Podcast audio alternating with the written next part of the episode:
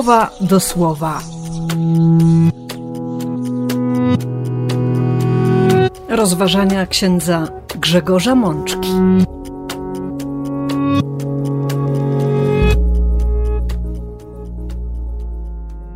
Trzecia niedziela wielkanocna, rok A.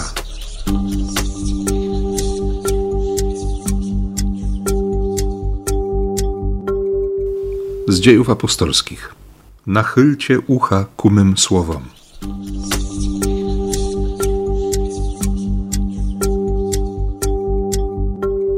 Z psalmu 16. Będę błogosławił Pana, który mnie poucza.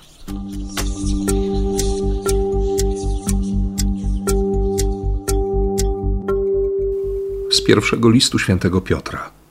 Zostaliście wykupieni ze swego odziedziczonego po przodkach jałowego sposobu życia, nie za rzeczy zniszczalne, za srebro czy złoto, lecz za drogocenną krew Chrystusa.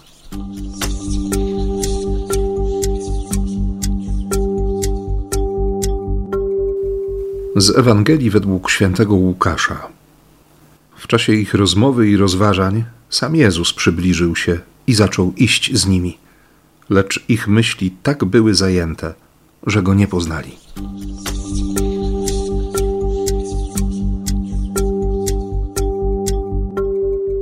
Siostry i bracia, w kolejną niedzielę spotykamy się, aby, aby słuchać słowa, usłyszeć słowo. Tym bardziej, że dziś niedziela rozpoczynająca tydzień biblijny. I myślę, że wielu z nas ma w sobie to przekonanie, że, że wciąż możemy słuchać Boga bardziej. Jak to powiedzieli apostołowie do Sanhedrynu. Trzeba bardziej słuchać Boga niż ludzi, ale mnie zawsze zatrzymuje ta pierwsza, dłuższa część zdania, bo zadaję sobie nieustannie pytanie: jak mogę słuchać Boga bardziej? A jestem przekonany, że każdy z nas ma to doświadczenie i, i tę tęsknotę budzoną przez Boga w naszym sercu, by rzeczywiście jeszcze bardziej, jeszcze mocniej, jeszcze wytrwalej, jeszcze uważniej Go słuchać. Dlatego właśnie, e, kiedy czytałem dzisiejszą liturgię słowa, szczególnie to pierwsze kazanie świętego Piotra, pomyślałem sobie, że, że trzeba zwrócić uwagę na sam początek. Na tę chwilę, kiedy Piotr razem z apostołami, wszystkimi zgromadzonymi wtedy w wieczerniku, a pewnie było ich ponad 120 osób, wychodzi na zewnątrz, rozpłomieniony, rozogniony łaską, Widzi ogromny tłum, który się zgromadził, bo przecież coś się dzieje, a ludzie przyszli na święto. Przyjechali z daleka. Chcą dziękować Bogu za to, że, że zawarł przymierze z Noem. Chcą dziękować za to, że Mojżesz otrzymał Torę, otrzymał prawo, że naród wybrany otrzymał tablice kamienne z przykazaniami napisanymi Bożą ręką. Chcą też dziękować za za ten pierwszy zbiór pszenicy, za to, że ziemia znów wydaje owoc, że ziemia rodzi, że jest życiodajna. To był właśnie czas takich świąt. I ludzie domagają się wyjaśnienia. Chcą wiedzieć, co się wydarza. Więc Piotr podnosi pewnie ręce, żeby wszystkich uspokoić, dać znać, że, że chce przemówić i odzywa się tak, żeby go było słychać mężowie Judejczycy i wszyscy mieszkańcy Jerozolimy, wszyscy, którzy się tutaj zgromadziliście, a wcześniej święty Łukasz wymienił te poszczególne nacje, które w swoich przedstawicielach były obecne na placu. Nadstawcie uszu na to, co powiem. Weźcie to sobie głęboko do serca. Można by powiedzieć, pierwsza audiencja generalna z udziałem papieża. Nie wiadomo, czego się ludzie spodziewali Natomiast my wiemy, że Piotr ogłosił prawdę o zmartwychwstaniu Jezusa w prosty sposób, używając nieskomplikowanych słów, nie tworząc nie wiadomo jak wyszukanych konstrukcji składniowych. Pierwszy z apostołów pokazał, że w Jezusie spełniają się wszystkie proroctwa i wszystkie obietnice. Co więcej, wskazał też wyraźnie na winowajców śmierci Jezusa ale bynajmniej nie chodziło mu o oskarżenie tych, którzy się zgromadzili, bo i sam doskonale wiedział i pamiętał swoją dezercję. Słowo o śmierci miało się stać jedynie trampoliną do tego, żeby, żeby pokazać, że ojciec wyrywa swojego syna z sideł śmierci, że pęta, że te kajdany, te łańcuchy śmierci zostały rozerwane. I zrobił to Jezus, w którym Bóg objawił się w całej pełni i który dzięki Bożej mocy powstał z martwych, czego my wszyscy jesteśmy świadkami. Ciekawe, że, że Piotr mówi o rzeczach niezwykłych, nieprawdopodobnych, o wydarzeniu wyjątkowym, ale chce przekazać tę prawdę w taki sposób, by, by można ją było przyjąć. By ci, którzy są synami obietnicy, znają prawo, znają Słowo Boże, modlą się przecież tym Słowem, doświadczyli wreszcie na własnej skórze, że, że Bóg jest wiarygodny, że jest prawdomówny, że Słowo Boga nie zawodzi i że wszystko, co zostało zapisane, po prostu się wypełnia.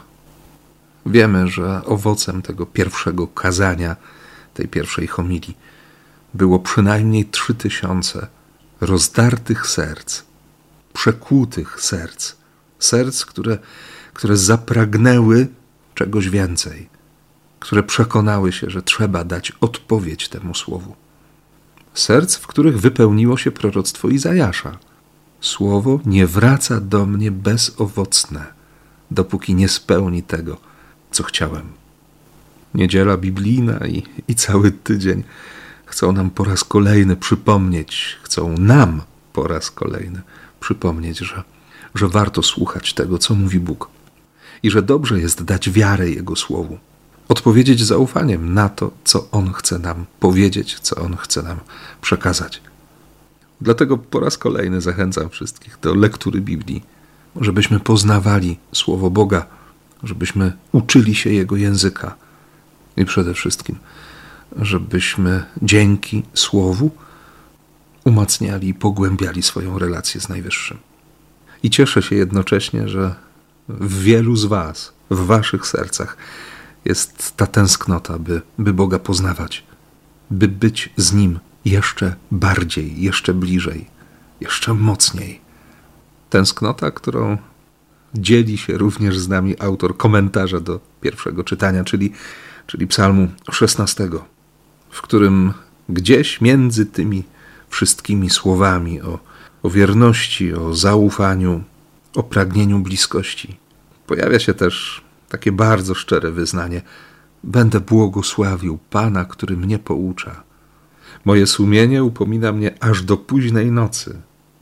Moje serce, właściwie moje nerki, bo dla Semitów nerki były właśnie tą siedzibą rozmaitych uczuć, miejscem filtrowania rzeczywistości, stawiania siebie i swoich wyborów w świetle Bożego Słowa. Chcę błogosławić Pana, który mnie uczy. Myślę, że każdy z nas doskonale zdaje sobie sprawę z tego, że, że jesteśmy w szkole Jezusa. I dobrze wiemy, że zadaniem Bożego Słowa jest poprowadzenie nas jakby za rękę przez to wszystko, co nazywamy życiem, co nazywamy codziennością, co się dzieje każdego dnia, z czym się zmagamy dzień w dzień i co również rozpoznajemy jako nasze szczęście. Słowo chce nas poprowadzić. Ono ma być tym światłem, ma być lampą, byśmy nie zgubili drogi, by nie zapomnieć i nie stracić sprzed oczu tego, co najcenniejsze, tego skarbu miłości Ojca, Syna i Ducha Świętego. Dlatego również święty Piotr przypomina nam dziś w tym drugim czytaniu, we fragmencie pierwszego rozdziału swojego pierwszego listu, że zostaliśmy wykupieni nie srebrem czy złotem, które przemijają, które nie mają żadnej duchowej wartości, ale ceną naszego zbawienia jest krew Chrystusa. To jest koszt, jaki Bóg poniósł, by nam ofiarować prawdziwą wolność byśmy przekonali się, byśmy doświadczyli, jaką wartość ma relacja miłości z Bogiem.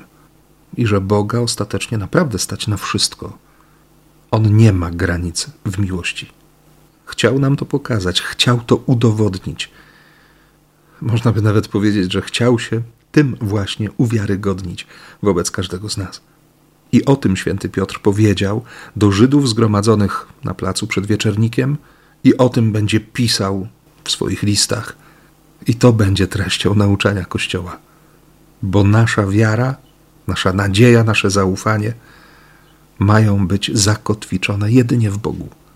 On jest tym, któremu można ufać bez granic, bo Jego życie, Jego łaska, Jego miłosierdzie są bezcenne. Dlatego, jak zawsze, cała liturgia słowa będzie nas pytać o wiarę i będzie nas prowokować do złożenia wyznania wiary. Może nie takiego, jakie, jakie składali przed Jezusem, przed samym Jezusem, uczniowie uciekający do Emaus. Ci, którzy chcą w tych gorących źródłach znaleźć zapomnienie, bo się rozczarowali, bo się zgorszyli Bogiem, sobą, swoimi współbraćmi. Kościołem się rozczarowali przecież. Tam nic nie pasowało. Wydarzenie śmierci Jezusa zdawało się przekreślać wszystko. To była rzecz kompletnie, absolutnie niezrozumiała. Więc rezygnują.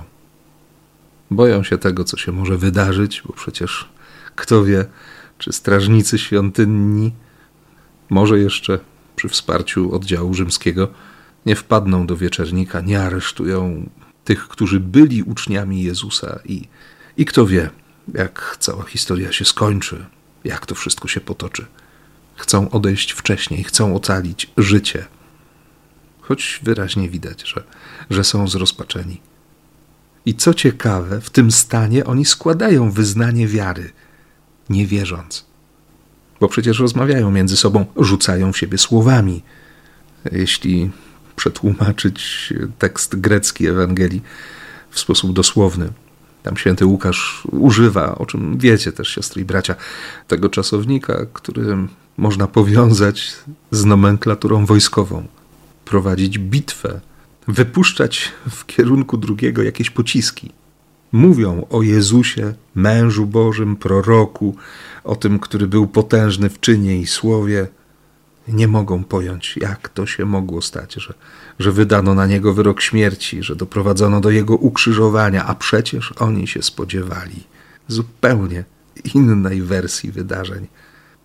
Dziś już trzeci dzień, jak to wszystko się dokonało a do tego kilka kobiet zaskoczyło ich informacją, że, że wczesnym rankiem udały się do grobowca, nie znalazły ciała Jezusa, wróciły, opowiedziały, że widziały aniołów, którzy twierdzili, że on żyje. Niektórzy z nich udali się do grobowca i zastali wszystko dokładnie tak, jak relacjonowały to kobiety. Jego samego nie widzieli. No przecież my te treści wypowiadamy w wyznaniu wiary. Czy da się wyznawać wiarę nie wierząc? Czy słowa to tylko słowa? Trudno się dziwić reakcji Jezusa.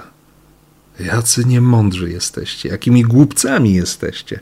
Wasze serca są tak oporne. Dlaczego nie robicie fundamentu ze słów proroków? I zaczyna im wszystko wyjaśniać. I wtedy w ich sercach rzeczywiście dokonuje się walka, dokonuje się bitwa. Słowa Jezusa uderzają w nich krusząc to wszystko, co jest jakimś zwątpieniem. I tych dwóch czuje w sobie ogień. Może ten ogień, o którym Jezus mówił wiele tygodni czy miesięcy wcześniej. Przyszedłem ogień rzucić na ziemię. Jak bardzo chcę, żeby, żeby ten ogień już płonął. Słowa Jezusa ich ranią.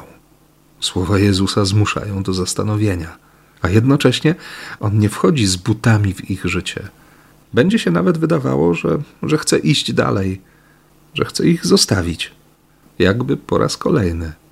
On szanuje ich wolność. On przyjął wcześniej to, co powiedzieli.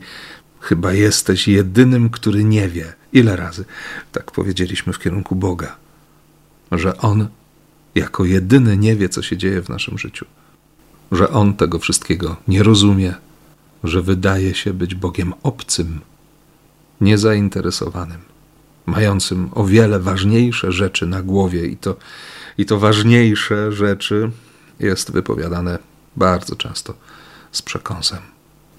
A jednak zapraszają go, przymuszają go wręcz. Podejmują ryzyko, że, że ten nieznajomy wejdzie trochę w ich życie, bo przecież przypomina się początek Ewangelii, kiedy Andrzej i Jan wchodzą do domu Jezusa. Poznają go wtedy. Przekonują się, że można mu wierzyć, że warto mu wierzyć na słowo. I wtedy właśnie w domu dokonuje się to, co, to, co jest dla nich dowodem, że to Jezus. Nie przekonało ich słowo, ale przekonał gest, który znali bardzo dobrze. Setki razy wcześniej on już łamał chleb, modlił się, dziękując Bogu, Ojcu za pokarm. Setki razy podawał im te kawałki chleba. Nie zapomina się sposobu, w jaki kochany przez nas człowiek chwyta za rękę, przytula, podaje coś ze stołu. Te czułe gesty miłości zostają bardzo głęboko, zapadają w serce. A poparte słowem, nawet jeśli ono wydaje się niewiarygodne i przekracza ludzkie pojęcie, skłaniają do wiary, do zaufania, do nowego spojrzenia. I to się właśnie dzieje w tamtym domu w Emaus. Uczniowie widzą wszystko na nowo, więc tym nowym spojrzeniem, tą nową wiadomością chcą się podzielić ze swoimi braćmi, którzy, którzy pewnie trwają dalej w wieczerniku, w tej rozpaczy, w rozczarowaniu, w rozgoryczeniu. Nieważna jest późna godzina. Wracają do Jeruzalem. Chcą na gorąco jeszcze zaświadczyć o prawdziwości tego, co, co usłyszeli rano. Jaka jest nasza reakcja na słowo, na słowo Boga? Jak reaguje nasze serce? Czy już umiemy rozpoznać Boga, który przychodzi do nas pod postacią słowa? Życzę Wam tego z całego serca. I niech tak się stanie. Niech tak się dzieje każdego dnia. Amen.